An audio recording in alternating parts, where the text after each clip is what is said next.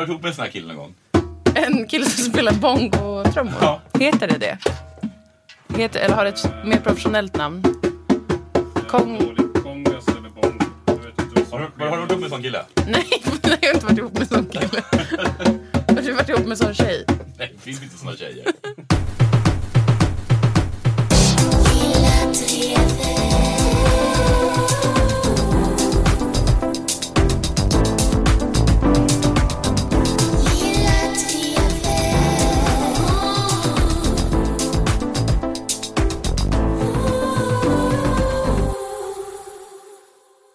Vi säger välkomna till det 135 Lilla Drevet, en samtidskommenterande podcast för Aftonbladet Kultur som görs i samarbete med Akademikernas A-kassa och fackförbundet Jusek.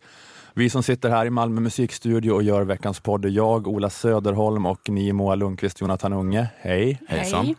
Det jag gör nu är att jag sitter mycket framför mina flöden och är chockad över det som händer i USA med valet av Donald Trump. Ja. Okej. Sån enkel människa är jag. Mm. Gillar fotboll och öl, grillar på sommaren, försöker komma igång med träningen. Mm. Och så tycker jag att det är helt knasigt det som pågår i USA nu. Mm.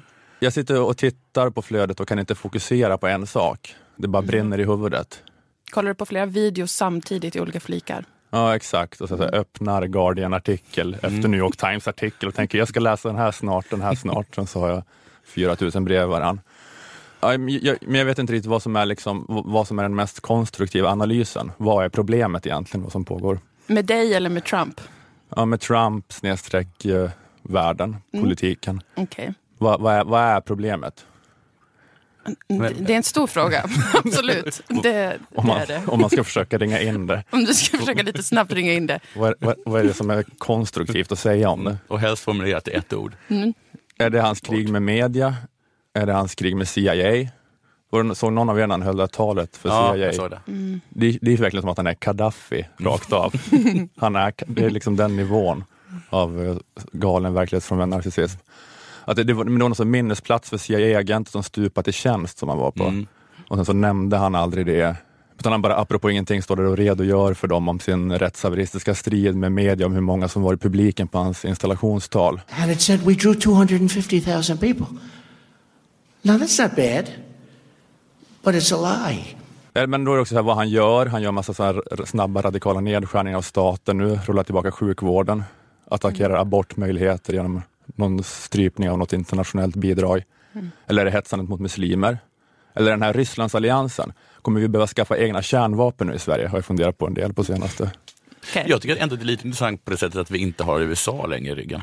Nej, vi måste ju ha en egen liksom, eh, eh, militär muskelmakt nu. Liksom, Ja. för alltså, balans, Den geopolitiska balansen blir rubbad. Så då måste vi så förlita oss kanske på Frankrikes militär eller något. Jag, jag Ja, vet inte. jag vet, inte. ja, men, ja, Alltså jag tycker det var så himla, himla dumt att vi, inte, att vi skrev under avtalet och inte fullföljde vår, vårt kärnvapenprogram. Vi hade kunnat bara göra, vi hade bara suttit med en, en atombomb, hade vi inte behövt något försvar överhuvudtaget. precis. Mm, jag det tycker är det är det, fel med atombomber. ytterligare en skam i svensk historia. Det är transittrafiken till Norge, behandlingen av romerna och att vi skrev på det kärnvapenavtalet. Men det är den här äh, kollektiva känslan av kaos och chock. Jag känner kaos och chock. Okej. Alla gör det. Okej. Eh, och det är det de vill. Ja, jag känner inte det. Så att nu börjar jag tror att jag är någon som vanlig. Jag är helt lugn. Men det är inte då att det, det man gör, vad man än gör, är det de vill. Så att Simon har någon sorts, Svensson har någon sorts spaning om det. Det går inte att vinna mot dem. Om man går ut och demonstrerar så var det precis det de ville. För då, då kommer alla eh, verklighetens folk att förakta den. Om man är tyst, då var också det exakt vad de hade planerat. För då säger man Mm, det ingenting. Det är så himla svårt att vinna mot en fiende som vad man än gör är så himla nöjd med den handlingen. Just det. Och nu så är det att man är helt förvirrad. Ja, det är precis det de vill. Det är det de vill. Exakt vad de vill. Jag läste Blondinbellas blogg och hon sa att hon inte är orolig. För så Nej. här har det varit förut. Och så det är det hon- ibland. Det är det Och hon vill att du ska tro. Att hon Jag har tagit hennes ord på det, så jag är inte så orolig. Okej, ja, jag är inte helt lugn i själen av Blondinbella ändå. Nej men ehm, det är det de vill. De vill att vi ska vara chockade. Journalisten och aktivisten och författaren till bland annat uh, chockdoktrinen, Naomi Klein, hon pratade på amerikanska vänstertidningen Jacobins eh, anti-installationsfest om chocken som strategi. Att chocktillståndet skapar en unik möjlighet till handling och förändring. för den som inte är chockad. And I, you know, I think a lot of people describe how they feel, how they how they've been feeling since the election as being in a state of shock, right? And it's important to understand what that means, right? Shock is um, it's not about something bad happening; it's about something ha- bad happening that we don't yet have a narrative to explain, right? The shock is the disorientation. Um, and, um, and, and so th- this didn't fit the narrative of, of what a lot of people thought was going to happen. And so there was, there's that destabilization that happens that makes us vulnerable to somebody coming in and going, well, this is why, and this is the story, right? Ja, precis. Att det, det är en medveten strategi att allt sker samtidigt nu. Jättemånga politiska beslut, jättemånga tokiga utspel och de attackerar på alla fronter samtidigt. The strategy of this kind of attack, right, of coming at everybody all at once, is to continue this feeling of destabilization, right? That no one's, you're, not, you're not supposed to ever find your footing. Man ska aldrig hitta sitt fotfäste. Precis eh, som jag inte har gjort de senaste dagarna framför Twitter. Nej. Så det är sant det hon säger. har, vi, har jag lett i bevis här. Så det, men därför måste man då hitta det snabbt och kriga tillbaka på en gång nu menar Klein. Okej. Man måste bara bestämma sig för ett narrativ. Nu kör vi på det här. Vilket narrativ som helst. Okej. Bara för att de har ett narrativ. Vi måste Ah, också okej. ha ett. Stressigt. Så bara kör vi. Nej, men, nej, man måste snabbt landa i vad som är narrativet. och, det, men, och Klein vet då exakt vad det är. Så att vi kan bara lyssna på henne och säga att det är det här. We need to see this new US administration for what it is a corporate coup d'etat.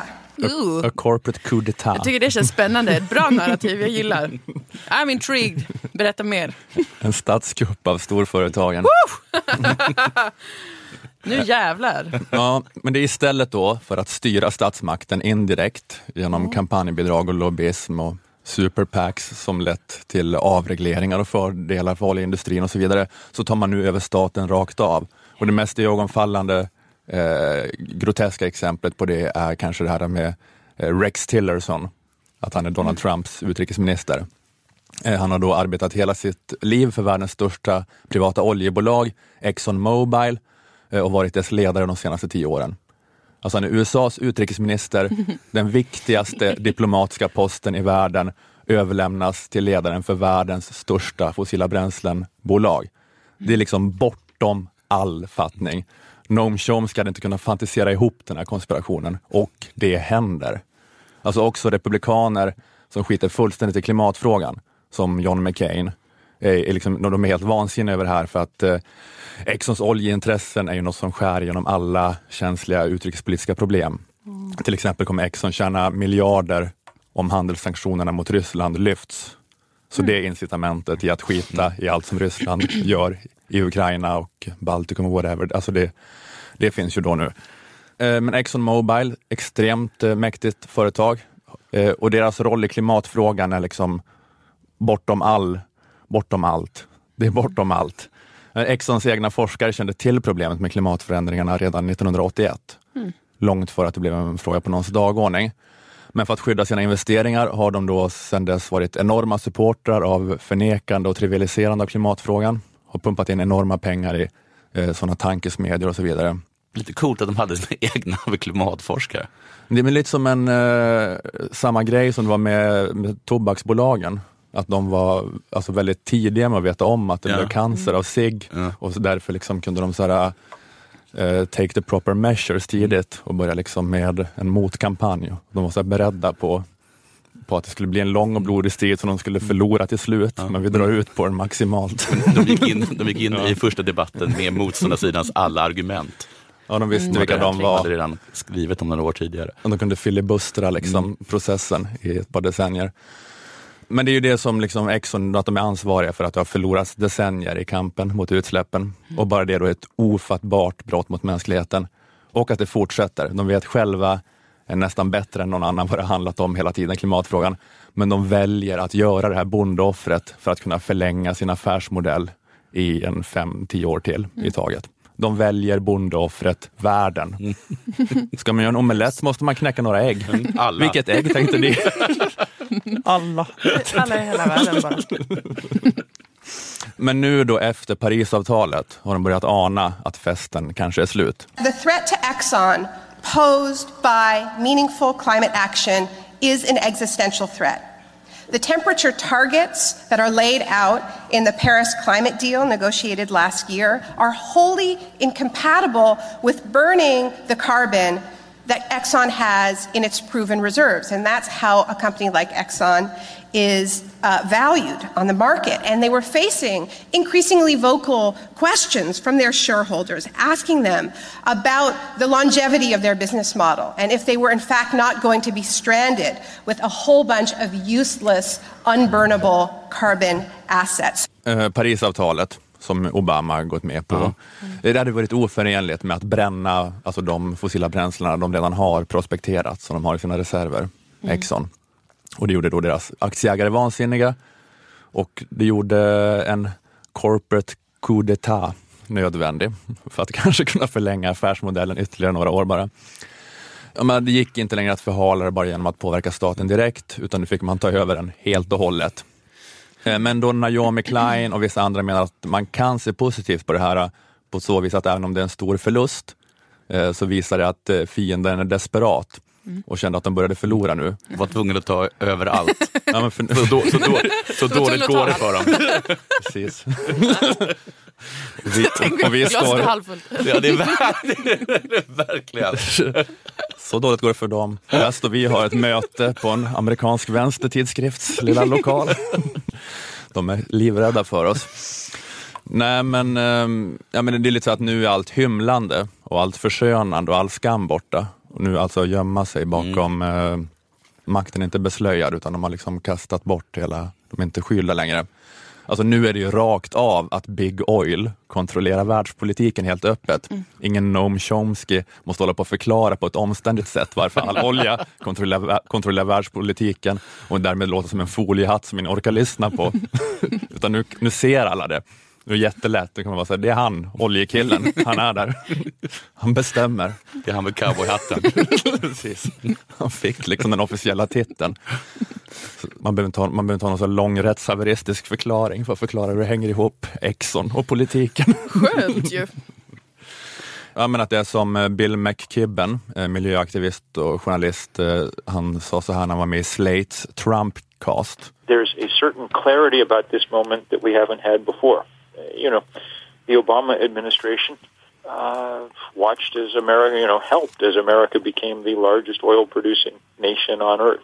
It's not like they were not friends to the fossil fuel industry, but their record was mixed. They did a few good things too, and so it was harder to grasp, uh, harder to have some of these essential central fights.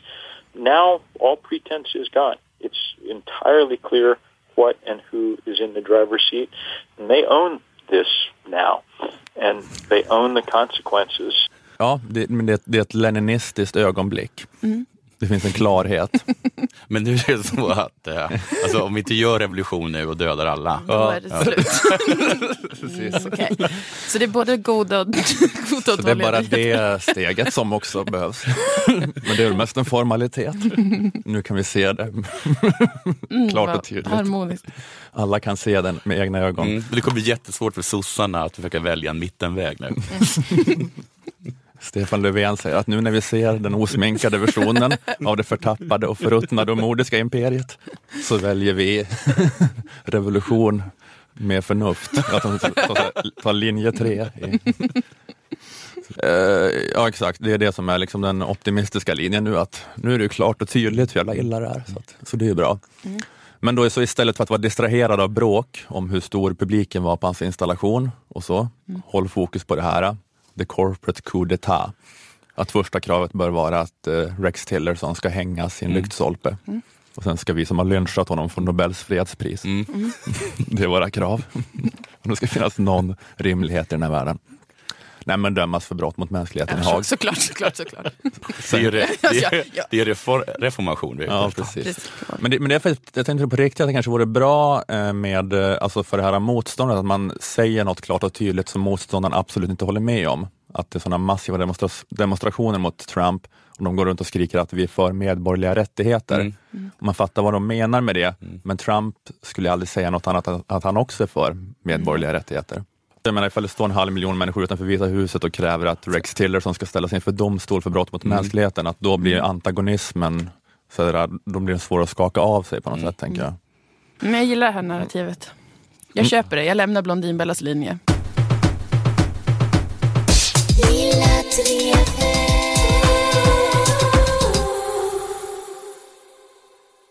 Det råder brist på grönsaker i Sverige på grund av det kalla vädret i Sydeuropa. Okay. Låt mig citera från Aftonbladet. Alla typer av sallad, spenat, rucola och tomat, men också gurka, zucchini och aubergine har drabbats hårt. Vissa sorter som spenat och isbergssallad går inte ens att få tag i. High five!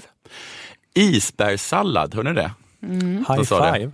Ja, jag tycker inte det är så gott med grönsaker. Aha, okej. Isbergssallad, det la ni märke till att de sa. Ja. Har någon ens märkt att den inte finns? Nej. Är isbergssallad vanliga salladshuvuden?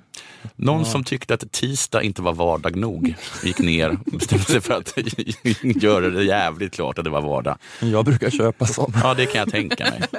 Tycker att det, det är väl helt okej. Isbergssallad används bara människor som behöver någonting som ska symbolisera uttrycket så kul ska vi inte ha det. Det var själva fan att du skulle köra, gilla isbergssallad. Det är stereotypt. Fan vad sjukt. Jag fortsätter citera. Våra kunder slår bakut. Det var länge sedan man såg sådana här priser. Zucchini som vanligtvis ligger, ligger på 8 till 9 kronor betalar vi idag 50 till 60 kronor kilot för. Ja.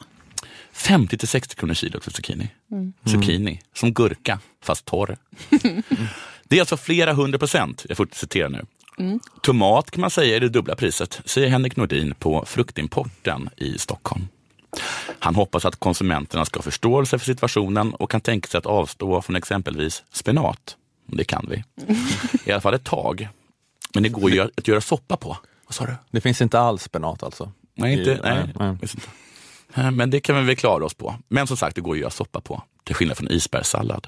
Vet ni vad isbergssalladssoppa kallas? Vatten. Finns det någon lösning i sikte? Jag fortsätter citera nu. Ja, ja. Inte som vi ser det. Inte någon snabb lösning i alla fall. Det ser ut att fortsätta öka. Det stiger varje dag, säger han. En Benny Urtbrand säger under sina 25 år i branschen har han aldrig varit med om något liknande. Det är mycket som är slut och det som inte är slut har blivit rekorddyrt. Paprika finns, men det är svindyrt. Och det går inte att köpa två broccoli för 120 spänn säger han. Grönsakshallen i Sorunda, fortsätter att citera, som säljer till restauranger har börjat lägga ut bilder på Facebook som visar snötäckta grönsaksfält för att få kunderna att förstå allvaret. Men de gör ju det liksom för att det är som en brist att eh, när det blir brist på någonting så föds irritation men också en underlig anledning efterfrågan. I samma sekund de läs, läser om grönsaksbristen i tidningen får alla samma tanke. Men hur blir det då med helgens ratatouille? Eller, men jag hade ju tänkt att förbereda sommarens gazpacho så här i god tid. På SVT så såg jag en random kvinna, bli intervjuad och hon sa barnfamiljerna drabbas säkert hårt. Ungar, dåliga nyheter. Det blir ingen moussaka till middag. Hörde ni? Ingen aubergine. Ni kan glömma er dagliga aubergine. Inget slem med hud. Glöm det. Så kan, det- kan det säkert låta i barnfamiljer runt om i Sverige. Vad var jag? Är, det, är din poäng att det inte gör något för att det är äckligt med grönsaker? Nu kommer jag till min poäng. Okej. Jag tror ju med all säkerhet att det här har med klimatförändringen att göra. Låt oss säga att det har det. Det låter rimligt. Ja, ja. Sjukt väder, Är det första gången det har varit så här kallt? det är det säkert. Okej. Jag säger att det har med klimatet att göra. Men som vanligt så reagerar vi likadant när någonting med klimatförändringarna gör att det blir brist på någonting. Mer citat. Vi kämpar så mycket vi kan med att hitta grejer. Nu flyger vi in isbergssallad från USA. Det är helt galet, men det är enda sättet, säger marknadsansvarig på företaget. Tänk att vi är beredda att offra jorden för isbergssallad. Utfyllnadens bleka ansikte utåt. Det enda som har mindre smak än vatten. Hur ska vi kunna sluta använda olja om vi är beredda att fistfacka klimatet för något vi bara ska ha för att peta bort? Olja kan jag ändå förstå. Jag kan ändå förstå att vi kanske behöver olja, för det är väldigt mycket som värms upp med olja och drivs på olja. Men det är som att de nämnde inget, inget om isbergssalladen under Paris och Kyoto, för ingen hade förhandlat bort det där vart enda, vars enda funktion är att fastna på olika ställen i diskmaskinen. Det är så jävla sjukt att man flyger in isbergssallad. Men om vi nu flyger in den här utfyllnadscrunchen så bådar det inte gott för barnens tjänst i Moussaka 2018. Nu är det brist på isbergssallad. Ja, då ska jag visa er hur svårt det är att få tag på isbergssallad 2018 om vi håller på att flyga in liksom jet med fulla med isbergssallad. Men det är liksom så kul att vi människor reagerar så. Det var precis som när Nordsjöräkan sattes upp på röda listan, eh, men bara för en temporär tre månaders period för att ge den lite andrum. Var på Leif Mannerström reagerar med att hålla räkfrossor, fast på ren trots. Han bara, nu ska jag hålla en räkfrossa. För att ni har satt upp den här eh, på en tre månaders väntetid. Det är som att vi skjuter oss i foten bara för att vi inte får. Ja. Ingen har ju varit sugen, förutom du Ola, på isbergssallad innan. Och nu så kör vi isbergssallad med flygplan från USA. Men att man blir så jävla kränkt över att inte ha den friheten. Ja. Att jag är den här liksom individualistiska Ja. ekonomiska mannen och jag liksom bara ska kunna säga här är vifta med mitt Visakort, Mm. jag ska kunna få allt. Sug mitt Visakort, jorden, säger jag. Och så får liksom komma isbergssallad i Concorde Ja. hem till mig. Det som är lite ljust med det här ändå, kan man nog säga att lika mycket som vi måste ha något när vi inte, när vi inte får, så vänjer vi oss väldigt snabbt när vi inte har det. Ja. Kommer ni ihåg ål?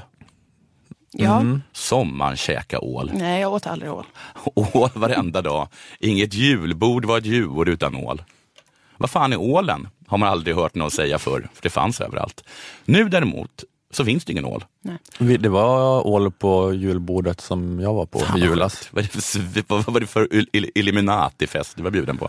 Ja, det var hos min, på min mosters torp i, i Sörmland. Nej, jag, vet, jag vet inte vad hon hade gjort för sjukt för att komma över det. någonting riktigt jädra sjukt, kan jag mig.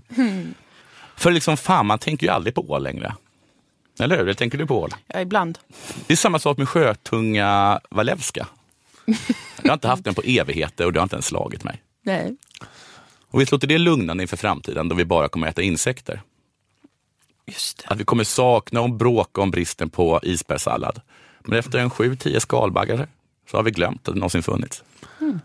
Ja, Just det, man kan, vi, kan aldrig, vi kan aldrig sluta något som går att göra, men går det inte att göra så vänjer vi oss vid vad som helst. Exakt. Det är därför vi är såna jävla vinnare. Eller så himla bra på att hantera förluster. Det är det som kommer leda till att vi kommer förlora så inåt i helvete, men sen kommer tycka att det är ungefär lika bra. If you don't have lemons, well, don't make lemonade. Visst.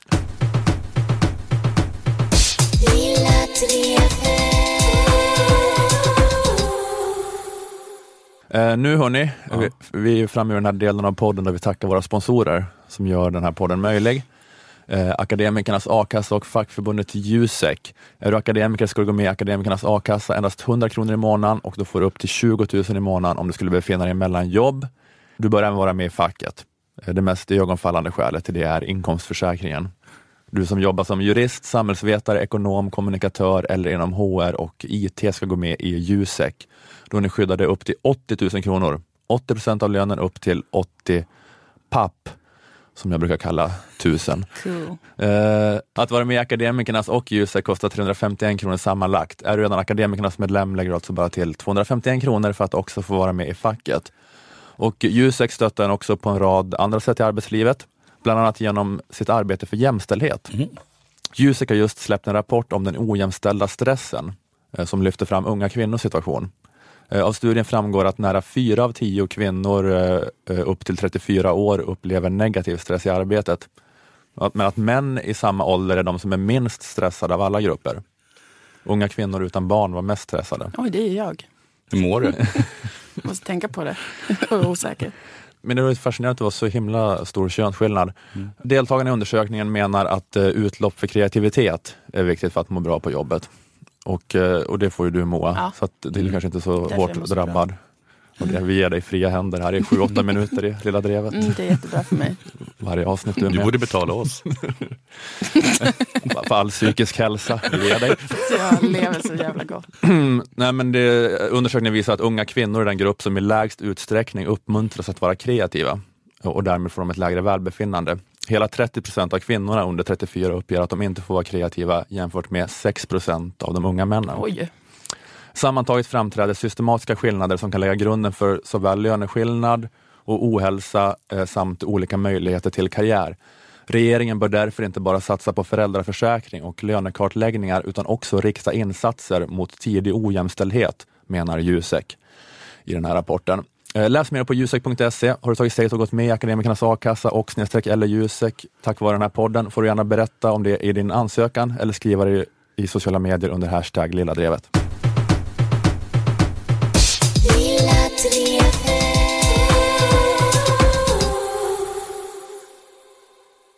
Jag tror kanske att alla minns hur jag utfärdade ett hot i Lilla Drevet innan förra sommaren. Vi var alla berörda, lite rädda, men kände också stor respekt inför mig för att jag gjorde det.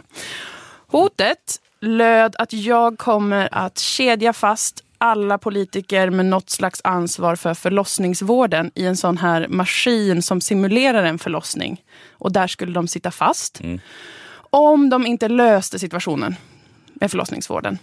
Det här var ju innan sommaren. Varje sommar så kommer det ju den här typen av nyhet att det är kris. Det är krispanik.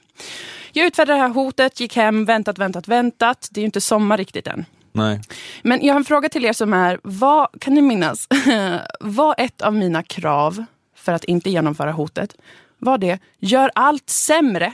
Lägg ner BB. Skapa framtidsscenarion där människor ligger i sitt eget blod i en Volvo och föder ut en levande människobebis. Kan ni minnas om jag sa det? Jag kan inte minnas det. Det kan du väl inte gärna ha gjort? Det kan jag väl inte ha sagt. Jag kan Fan, väl inte ha sagt det var så. Det var, hade varit för sjukt. Jag sa inte det. Det var inte det jag begärde av samhället. Jag satt inte här i Lilla Drevet och skrek snälla se till att kvinnor måste föda barn i sin bil. Annars blir jag arg. Nej. Nej. Ändå är det här vad som har hänt. Förra veckan så fick en stor nyhet om förlossningar genomslag. I Sverige och internationellt faktiskt. Nyheten om att två barnmorskor i Sollefteå ska hålla i en ABF-kurs som heter bilförlossning. Det är på grund av att landstinget bestämt sig för att spara in på vården och lägga ner bland annat BB i Sollefteå. Då. Vilket i sin tur innebär att människor som skulle ha fött barn där måste åka 10 mil Hey, I'm Ryan Reynolds. At Mint Mobile, we like to do the opposite of what Big Wireless does. They charge you a lot, we charge you a little. So naturally, when they announced they'd be raising their prices due to inflation, we decided to deflate our prices due to not hating you. That's right. We're cutting the price of Mint Unlimited from $30 a month to just $15 a month. Give it a try at mintmobile.com slash switch. $45 upfront for three months plus taxes and fees. Promo rate for new customers for limited time. Unlimited more than 40 gigabytes per month. Slows. Full terms at mintmobile.com. ungefär. till Örnsköldsvik eller Sundsvall. När de ska föda sitt barn. Jag har, faktiskt, jag har faktiskt hört om det här för att Jonathans mamma skrev en krönika om det. Är det sant? Jaha. Någon bland annat skrev om min förlossning och hur Ja. bra den var. Just det, du brukar skryta om det också. Det, det, det, det lät som hennes, för att just för hennes första förlossning med din syrra var i bilen då? Ja, nästan, Eller, nä, nästan, i bilen? Samma sak med mig nästan. Okej. Det finns två saker jag brukar berätta om mig själv som gör folk tipptonnande rasande. Mm. Och det är att jag är född utan smärta och att jag inte har herpes. Du, varför skulle du inte ha herpes? Alla har det. Nej, 97 procent av världens befolkning har herpes, men jag har det inte. Har du gått och gjort ett test? Nej, men jag vet, jag har inte, har inte herpes. Men jag förstår inte att folk blir så kaxigt. himla, himla arga över Men det. det är otroligt kaxigt. Men jag har inte heller gjort ett test om jag har herpes. Nej, du har men, inte herpes heller kanske? nej, men, men man, alltså, de flesta har herpes och de flesta har inte haft ett utbrott. Är det inte så? Jo, så är det ju. Man har ju latent. Jag förstår inte varför ni inte... Det, här blir det varenda gång. Jag är ledsen att jag, till skillnad från er, inte har herpes. Nej, men jag har inte heller herpes då. Nej, då du har inte jag har heller det, för jag har aldrig haft det. Ja, ja, ja, ja, ja, ja. Siffror och statistik. De stänger förlossningen och så beräknar man att kunna spara ungefär 15,4 miljoner kronor. Det kan vara intressant att veta vad vi rör oss i för eh, summor. Mm. Och det det rör, kommer röra ungefär 350 förlossningar per år som då måste eh, ske någon annanstans. Skimlägger dem. Och då är det svårt att veta hur mycket är 15,4 miljoner kronor. Alltid bra att ta till Nuon-index. Om de skulle spara 15,4 miljoner kronor så skulle det ta 5 806 år att spara ihop till Nuon-affären. Det är alltid bra för att förstå, för det är stora summor vi pratar om. Värt att veta. Och alltså, det här har ju varit en jättestor eh, stor grej såklart. Allt med Sollefteå sjukhus. Folk har demonstrerat alltså, i tusentals. Så jävla, jävla, jävla mycket folk. I Ådalen. Mm. De har demonstrerat, de har gått ut på gatorna och liksom försökt göra någonting. Men Socialdemokraterna som då tillsammans med Miljöpartiet bestämmer, har ju varit bestämda. De är den röda tråden i detta. Den röda tråden som likt en navelsträng runt halsen stryper framtiden. Som inledningen på en dikt som jag har skrivit där. Det berör mig så du får åka, åka upp till den där demonstrationen och stå på en scen och läsa de där dikterna Ja, och elda, elda massorna. Det är för att eh, jag är så otroligt kreativ så jag skriver såna här typer av dikter. Men Sollefteå, det trodde jag var en sån stad som inte finns längre. Den finns Jonathan. Den kanske har minskad befolkning Ja, men och det- därför vill det de lägga ner BB. Alltså att de säger det är ingen idé att bygga hus. För att, Men så är det hela inlandet och sen så är det också att allting lägger ner så det finns inte vård, eller skola, eller omsorg Nej. eller poliser. Nej. Och sen är det så här, varför kan ju flytta hit? Ja, men det är inte en hönan och ägget situation. nej. Hur som helst. Det som folk får är då tips inför hur man kan förlösa sitt barn i bilen eventuellt då. Om man sitter fast på någon inlandsväg och ska föda sitt barn. Det är den hjälp som kan erbjudas från samhällets sida. Och inte ens riktigt från samhällets sida utan det är från två eldsjälar, två barnmorskor bara som inte vill att någon ska dö. Och det är liksom den, den lilla hand. Just som Johan Unges mamma, mamma, bara skratta. Du, din mamma kan hålla i en ABF-kurs i hur man föder utan smärta i bilen. Kanske. Men nu tycker jag, om det inte var tydligt nog innan så är det ju det är nästan övertydligt, det jag alltid har vetat. Att vi har fått bevis nog på att alla i samhället hatar kvinnor och nyfödda barn och tycker att de lika gärna kan dö. Speciellt Socialdemokraterna, barnhatare. De tycker det är skojigt när ett barn blir förlöst i en bil på en inlandsväg. Då har vi det svart på vitt och att få det här i ansiktet ännu en gång eh, har gjort att jag har ändrat min strategi. För jag tänkte ju på något sätt att det här hotet skulle, skulle få effekt. Jag har gått våldets ärende. Jag svor alltså att om någon någonsin igen monterar ner förlossningsvården, då svor jag att jag kommer köpa en van och resa runt för att kidnappa ansvariga politiker från regering, riksdag, landsting och kommuner. Sätta dem i en sån här maskin så att det känns för dem som att de föder barn på det mest smärtsamma vis. Och där skulle de få sitta då. Skrika, gråta, bajsa på sig, vilja välja döden istället för smärtan. Tills de skärper sig och fixar allting. Jag har inte gått in på detalj exakt hur man ska fixa det, men det ska väl inte jag behöva göra. Jag jobbar inte med det. Men det var så att det fanns sådana maskiner, eller? Men det finns ju så här som man kan sätta på sitt bälte, så simulerar den en förlossning, hur det känns i smärtgrad. Att det gör så ont alltså? Ja. Är det två stycken händer som, som spräcker ens anus? Det skulle man kunna tro Jonta, fast det är snarare som någon slags, det ser ut som ett, ja men det är en litet bälte. Okej. Men sen finns det ett bälte som simulerar att förlösa Jonathan Unge. Då är det bara som att man blir lite skönt masserad Det är bara ett vanligt bälte som man köper på, på affären. Man bara skrattar och sen kommer det ut någonting fantastiskt som inte har herpes. Men våldets väg som jag planerade att gå eh, fungerar inte. Har jag ju fått bevisat för mig. Eh, dels för att jag inte har en van. Jag har inte heller hundratusentals sådana här typer av bälten som simulerar förlossning. Eller tidigare körförmåga. Nej, precis. Jag har inte körkort. Och det här har blivit väldigt eh, tydligt för mig. Så jag måste göra om min strategi för att kunna rädda alla gravida och alla som jobbar med gravida. Och varför bryr du dig? Kanske tänker ni. Eh, och alla som tillhör majoritetssamhället Varför tänker har du det. så stort hjärta? Precis, för alla tycker att det är ju jätterolig fredagsunderhållning med en kvinna i förlossningsverkar som svimmar. Samtidigt som en barnmorska svimmar av utmattningssyndrom. Det är så himla himla kul tycker tydligen alla människor. Men jag kan säga direkt att jag vill inte ha det så. För att barnafödande är det äckligaste vi har i samhället. Jag kan lika väl säga det nu, vad min agenda i den här kampen egentligen är. Det är att när ett barn föds ur en människas kropp så är det det enskilt gräsligaste som kan hända. Både för den som gör det och den som hjälper till.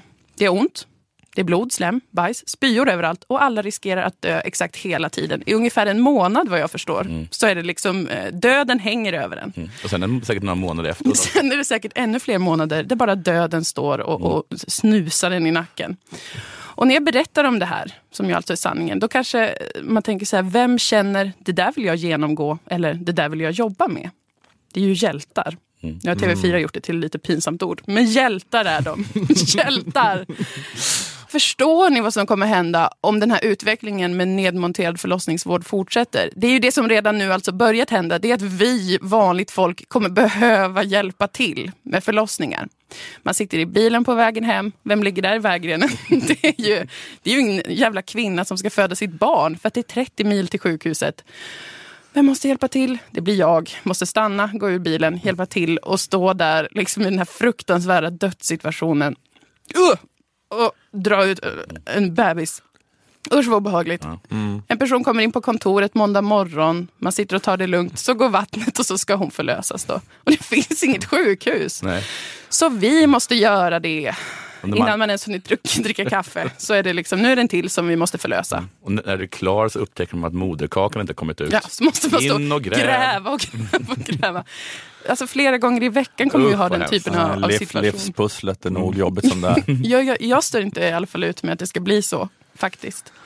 nej, nej. Och förstår ni alltså då också varför vi måste se till att för, förlossningsvården får de resurser de behöver? För att vi ser en utveckling där vi alltså kommer behöva vara delaktiga i barnafödande eftersom att det kommer behöva ske då i bilar eller på ett skrivbord eller i en hängmatta i stugan. Och jag vill inte ha det så. Och nu kan jag vara ärlig med det. Att det är det som är min agenda i det här och den är ganska stark. Men jag hotade om våld, det fungerade inte och nu återstår ju då snillets väg. Jag testade våldets väg och det gick inte. Så jag har gjort en ny plan. Det här är till alla som är gravida i månad 1 till 3 samt alla som jobbar med gravida. Gå in på internet idag, köp en resa till Norge nu, en enkel resa. Alla måste göra det samtidigt, exakt samtidigt. På samma datum också. Jag kommer kanske också följa med, för att Norge är otroligt vackert. Alla lämnar kvar en sån här lapp. Hej! Jag vet inte vars, men man lägger den på marken så kan den blåsa omkring. Det kommer vara flera tusentals sådana här lappar där det står ni har nio månader på er att se till att förlossningsvården i Sverige får de resurser som behövs kanske. Och att landstingen använder sig av den kompetens som finns. Att ingen behöver bränna ut sig. Att lönerna höjs. Tre timmars arbetsdag med tusen gånger så hög lön. Annars kommer vi föda de här barnen i Norge och stanna i Norge. Och det här kanske inte låter som ett så farligt hot egentligen. Men jag tror ändå att det skulle kunna funka. För är det något vi inte står ut med så är det också att Norge skulle få ännu mer försprång än oss. Som ni vet så går det väldigt bra för Norge. De har sex i natur. De har Skam nu också, tv-serien. Ska de också få alla våra nyfödda barn? De har olja och Olja. De, har, de har inte Maud Olofsson och hennes sinne för affärer. Exakt. Jag tänker mig liksom att om, om det här skulle ske, att politiker fick veta att de har dragit nu, varenda en. Och alla de här barnen kommer födas i Norge. Om vi inte fixar det här så är det, liksom, det är snillets hot. För att våldet biter inte alltid.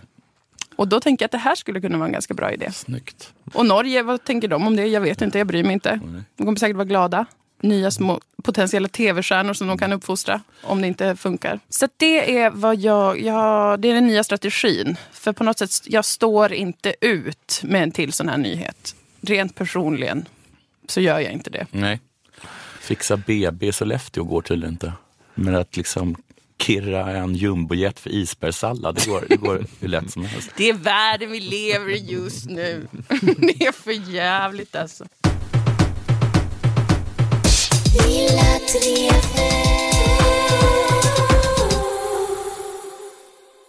jag, jag tänkte också återkoppla lite till något som hände för länge sedan i Lilla Drevet. Återuppleva, återuppliva en Lilla Drevet-klassiker. Det fasta inslaget, det omåttligt populära stående inslaget, Skavlan-publikens värsta applåder. Ja! Det är kanske bara andra gången vi kör det, men det finns ju olika anledningar till varför man är lite utmattad och svettig och hjärtklappning efter ett avsnitt av Skavlan. Eh, olika anledningar, men en pålitlig anledning, det är ju Skavlans studiopublik. Att det brukar vara en av de mest pålitliga källorna till cringeig och läskig stämning. tack vare deras lite märkliga känsla för timing när det gäller applåder och gapskratt. ja. Vi kan höra lite på, vi- har bara lite på lite Skavlan Public Magic från senaste avsnittet. Det är Gio Wallner som intervjuas. Men, men bor du där själv eller bor du med någon? Eh, för mesta bor jag själv. Och... Ja, men det, är, Har du det gör man ju. Og den, den personen som da iblant bor ihop med deg, må også bo der da, for å gå Er dette en person som er interessert i Hammarby også? Nej, det, det är städerskan bara.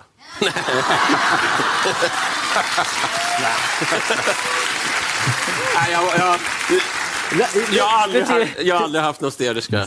Eh, og du tenker nå at her sitter vi jo Dette er jo det, da eh, Nordens eh, feteste kontaktannons. Ja, är det det? Hva er eh, Det är bra. Det är det här. hva, hva, hva, hva skulle være kriteriene for å kunne leve med Gio Wallner? Det var bordtennisspelaren Jan-Ove Wallner, en gud bland män. Det finns bara två utlänningar som fått äran att bli ett frimärke i Kina och det är Gio Wallner och Josef Stalin. Gio, det evigt gröna trädet, denna titan, denna majestätiska katedral som reser sig mot skyn, blir här korsförhörd av den här smilfinken från Norge, ett land helt utan bordtennistradition. vill jag bara inflika. Ställ en norrman framför ett stigarbord för att se någonting riktigt dumt. Ja, det är skrattretande. Är det. Men han pressar Gio om varför han inte har en flickvän. Fråga på fråga. Det var egentligen mer det jag tänkte på än mm. publikens reaktioner här.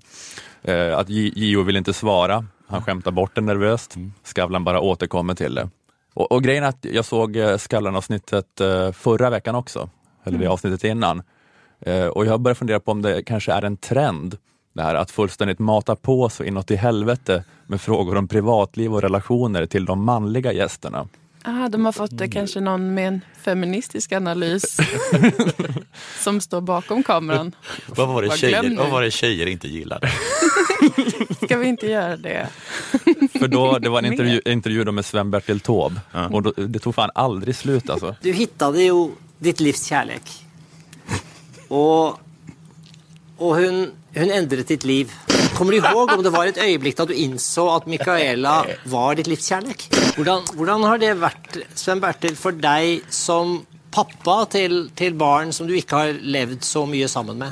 Hade du mycket skuldkänsla på den tiden? Jo. Och då insåg du att detta här var kvinnan? Ja. Hun betyr veldig for, mye for deg i din praktiske hverdag. Har du vært den typen som har vært redd for å få nobben, da? Så du har ikke villet Men du lykkes, om jeg har rett, så lykkes du med å forføre Charlie Chaplins dotter noen gang. Det bara pågick och pågick och det är så här det har blivit. Och jag undrar, är ni nöjda nu alla feminister? Alla mediefeminister som gjort karriär på att skriva skavlande sexistkrönikor. Är ni nöjda med det här monstret ni har skapat? Alla gapiga P3-tjejer. På Aftonbladets löpsedel i fredags så stod det ju så här. Skavlan är sexist. Är det här en nyhet? Alla vet väl att Skavlan är sexist? Fredrik Skavlan, känd i Norge som Kåte Fredrik. Tänk om Maria-Lena bara vetat att hon skulle bli offer för Skavlans sexskämt. Ja, det, det hade kanske inte varit så roligt för henne. Mm, tack. Det var tider det här va?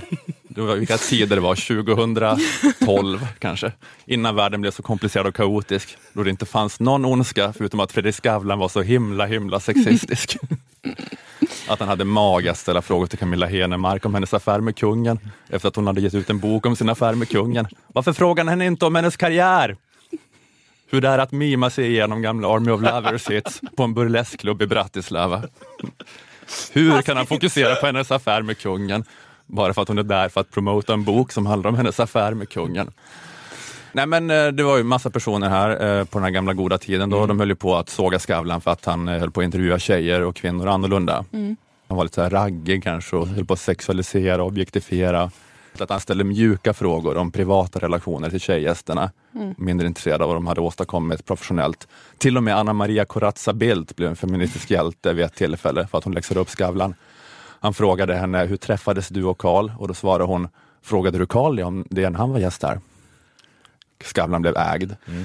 Eh, och det är som, men det, det, är något, nu märker man att all den här kritiken har, den har satt sig i Skavlan. Mm.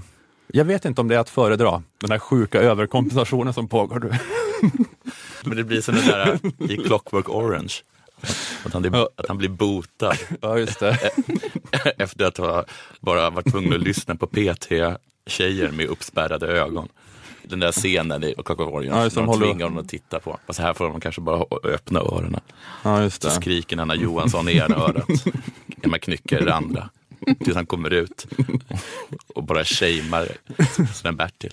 Och det är också så här um, att nu ska jag vara feministerna till lags. Så nu ska jag i det oändliga pressa en obekväm Jan-Ove Wallner om varför han lever ensam. För det är väl det feministerna måste vilja.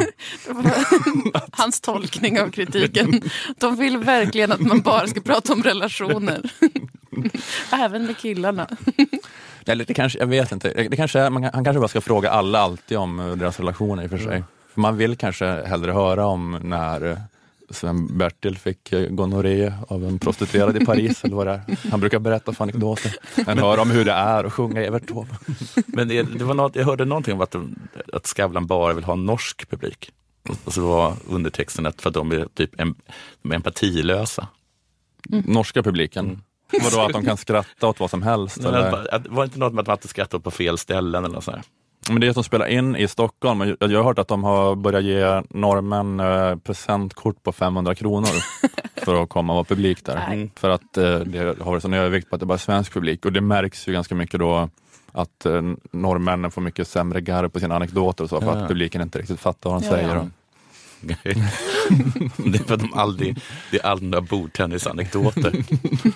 Då har vi svårt att tända till. så en jävla bordtennisanalfabeter. Har man satt sig fredag kväll, höra lite om hur det egentligen var att krossa den kinesiska muren. Höra Jan-Ove Wallner lägga ut texten om sin serv.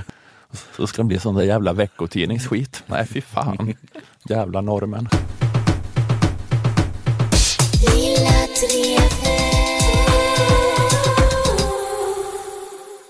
Det jag kommer säga nu kan jag ha sagt tidigare. Okej.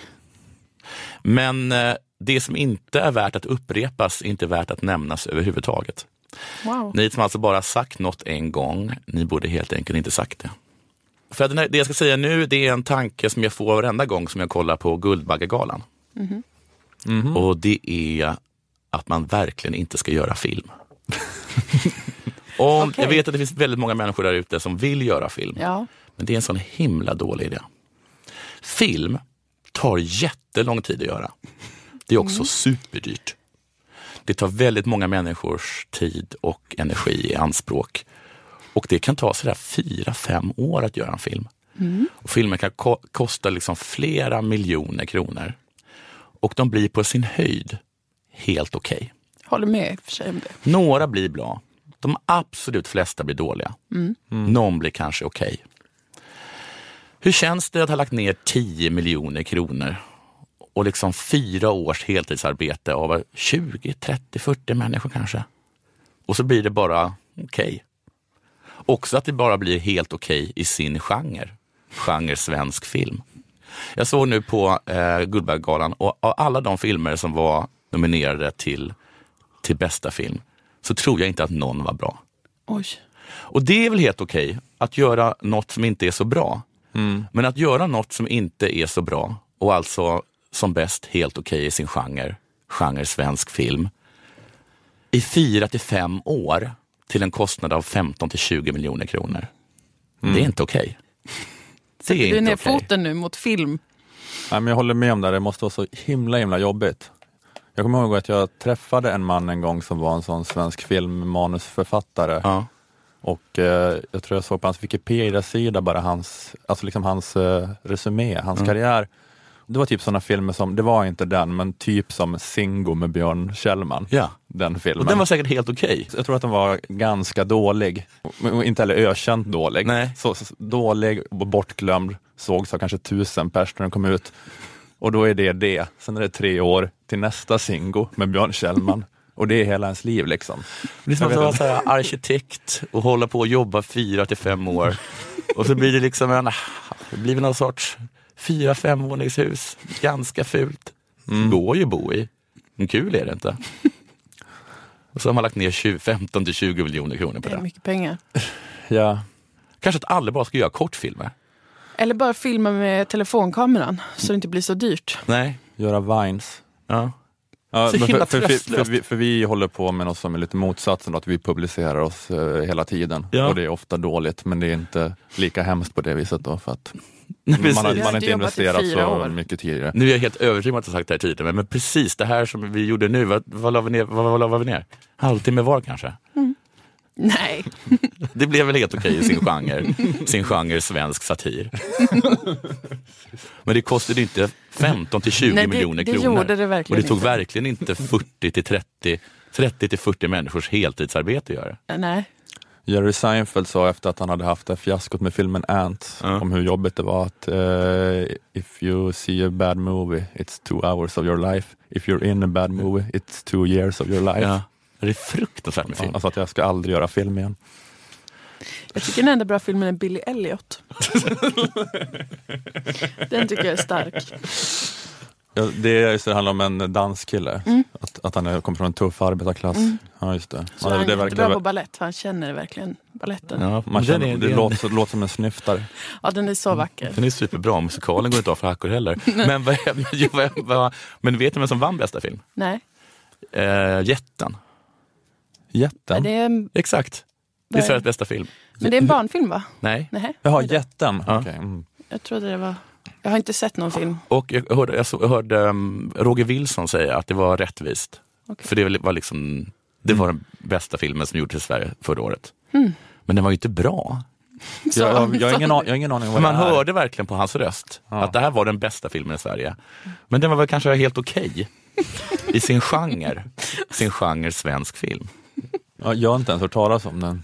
Svenska standup-galan, den sänds väl inte i tv? Gör den det? Jag vet inte. Nej, nej. Men kan du tänka dig ramaskri om svensk standup-galan hade sänds på svensk tv? Ja, och med rätta. Och med rätta! Just det, och så borde man se på svensk filmgalan Och också. exakt som man ser på svenska filmgalan.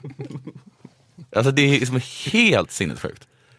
Jag här, I både Rapport och Aktuellt så hade de liksom, eh, att, gick de in och, eh, och talade liksom med, med programledarna för, eh, som, som, som för SVT då, gjorde djupa analyser av, av Guldbaggegalan. För vinner Tänk man hade- pengar? Va? Nej, men tänk, att de hade, tänk om de hade bara mittemellan Trump och bristen på grönsaker hade ett fem minuter långt inslag om svensk standup-gala. Folk hade ju, precis som du säger då, med, med rätta liksom tagit sig in och, och bränt ner tv-huset. Ja, jag vet, det, jag tänkte på det, att, det, det, att det, det är så starkt triggerord ord redan med komiker och killkomiker och hur mycket Mm. folk hatar svensk standup trots att svensk standup egentligen är helt uh, utraderad från media. Mm. Alltså vi har ju inget sånt Nej. program eller sånt som har funnits ibland förut. Det finns inga sådana paneler med program men ändå är det att, eh, att folk tycker så fruktansvärt illa om oss. Så att, så att jag hoppas verkligen inte att, att vi får ge dem något sånt skäl att hata oss ännu mer. Då kan det bli pogromer tror jag.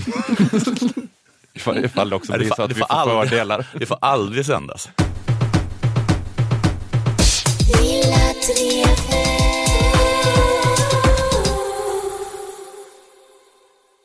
Det, jag vill reklam för min, eh, min, min stundande jävla jätteturné. Sems.se. Kom gärna och kolla på oss. Vi kommer vara i massa städer. Gå in på sems.se och, Mm. och Skönt att du sa vi för en gångs skull. Du bara säger att det är min turné hela Har tiden. jag sagt det? Ja, sa du förra veckan, så börjar du säga det nu också. Jag, trä, jag, träffade, jag träffade de andra precis förra helgen och gjorde det väldigt klart för mig att om det var någons turné så var det absolut inte min. Det var egentligen den enda personen vars turné det inte var. Även människor som inte är med på själva turnén har mer med den att göra. Ja. De är bara avundsjuka. Ja. Men de gör allt arbete tycker de. Ja. De tycker det för att de gör det. Mm. Ja, det, det kan nog stämma kanske. Eh, Men eh, okej, okay. vill, vill du säga något Moa? Eh, Jag och Dilan kommer till Uppsala och gör vår föreställning den 10 februari på Vi- Regina teatern. Men vilken är det? Det har gjort så många. Vi har gjort två. Mm. Det är den senaste. Mm. Det nya tråkiga. Cool. Kom då. Jag kanske kan flagga för oslipat, uh, oslipat.com. Jag kommer eh, göra ett par gig där i Stockholm och Uppsala och Malmö på deras klubb. Eh, lite olika datum, det, det kan ni hitta själva. Okej, vi säger eh, tack till uh, Aftonbladet Kultur, tack till Akademikernas a-kassa och fackförbundet Jusek, tack till Malmö musikstudio där vi har spelat in. Eh, jag heter Ola Söderholm, ni heter Moa Lundqvist och Jonathan Unge. Hej då! Hej då! Eh, vad,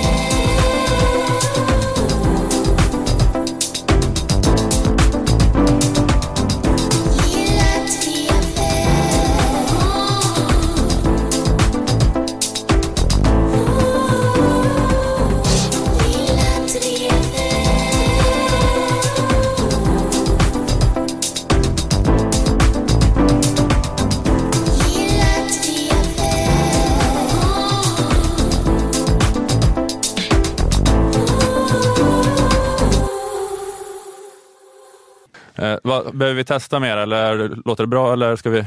Ska vi... Okej, okay, kör bara en så här. Okej, det här, ni lyssnar på Lilla Drevet. Jag heter Ola Söderholm. Det är en podcast som sponsras av Akademikernas a-kassa. Tjo faderittan. Jag heter Jonathan. jag kommer vara er värd ikväll här på Vaken P3, P4. Du skulle klara det. Det här är Lilla Drevet och idag kommer jag prata om förlossningar som vanligt känns det som. Andra gången var det inte farligt. Det är inte så farligt. Nej. I Vaken ska vi tala om, är det någon där som haft svårt att öppna förpackning någon gång? Kan ni ringa in och berätta om det? Men det- det skulle kunna sluta så att du blir vaken programledare och det är lite worst case scenario att du blir vaken programledare och det är inte så farligt Inte ändå. farligt. Om du Nej. tänker, det är det värsta som kan hända. Det är en ganska bra I ditt liv och prognos. din karriär. Att du, får, att du får en reträttpost på Vaken och bara någon som får har- sitta, där. Är det någon som har du kämpat med att få fram sina hörlurar i den där förpackningen? Ring in. Det tror jag skulle vara jättetrevligt för dig. Så det är alltså ämnet för ikväll, förpackningar, förbjudet ämne, mina vänner framgång.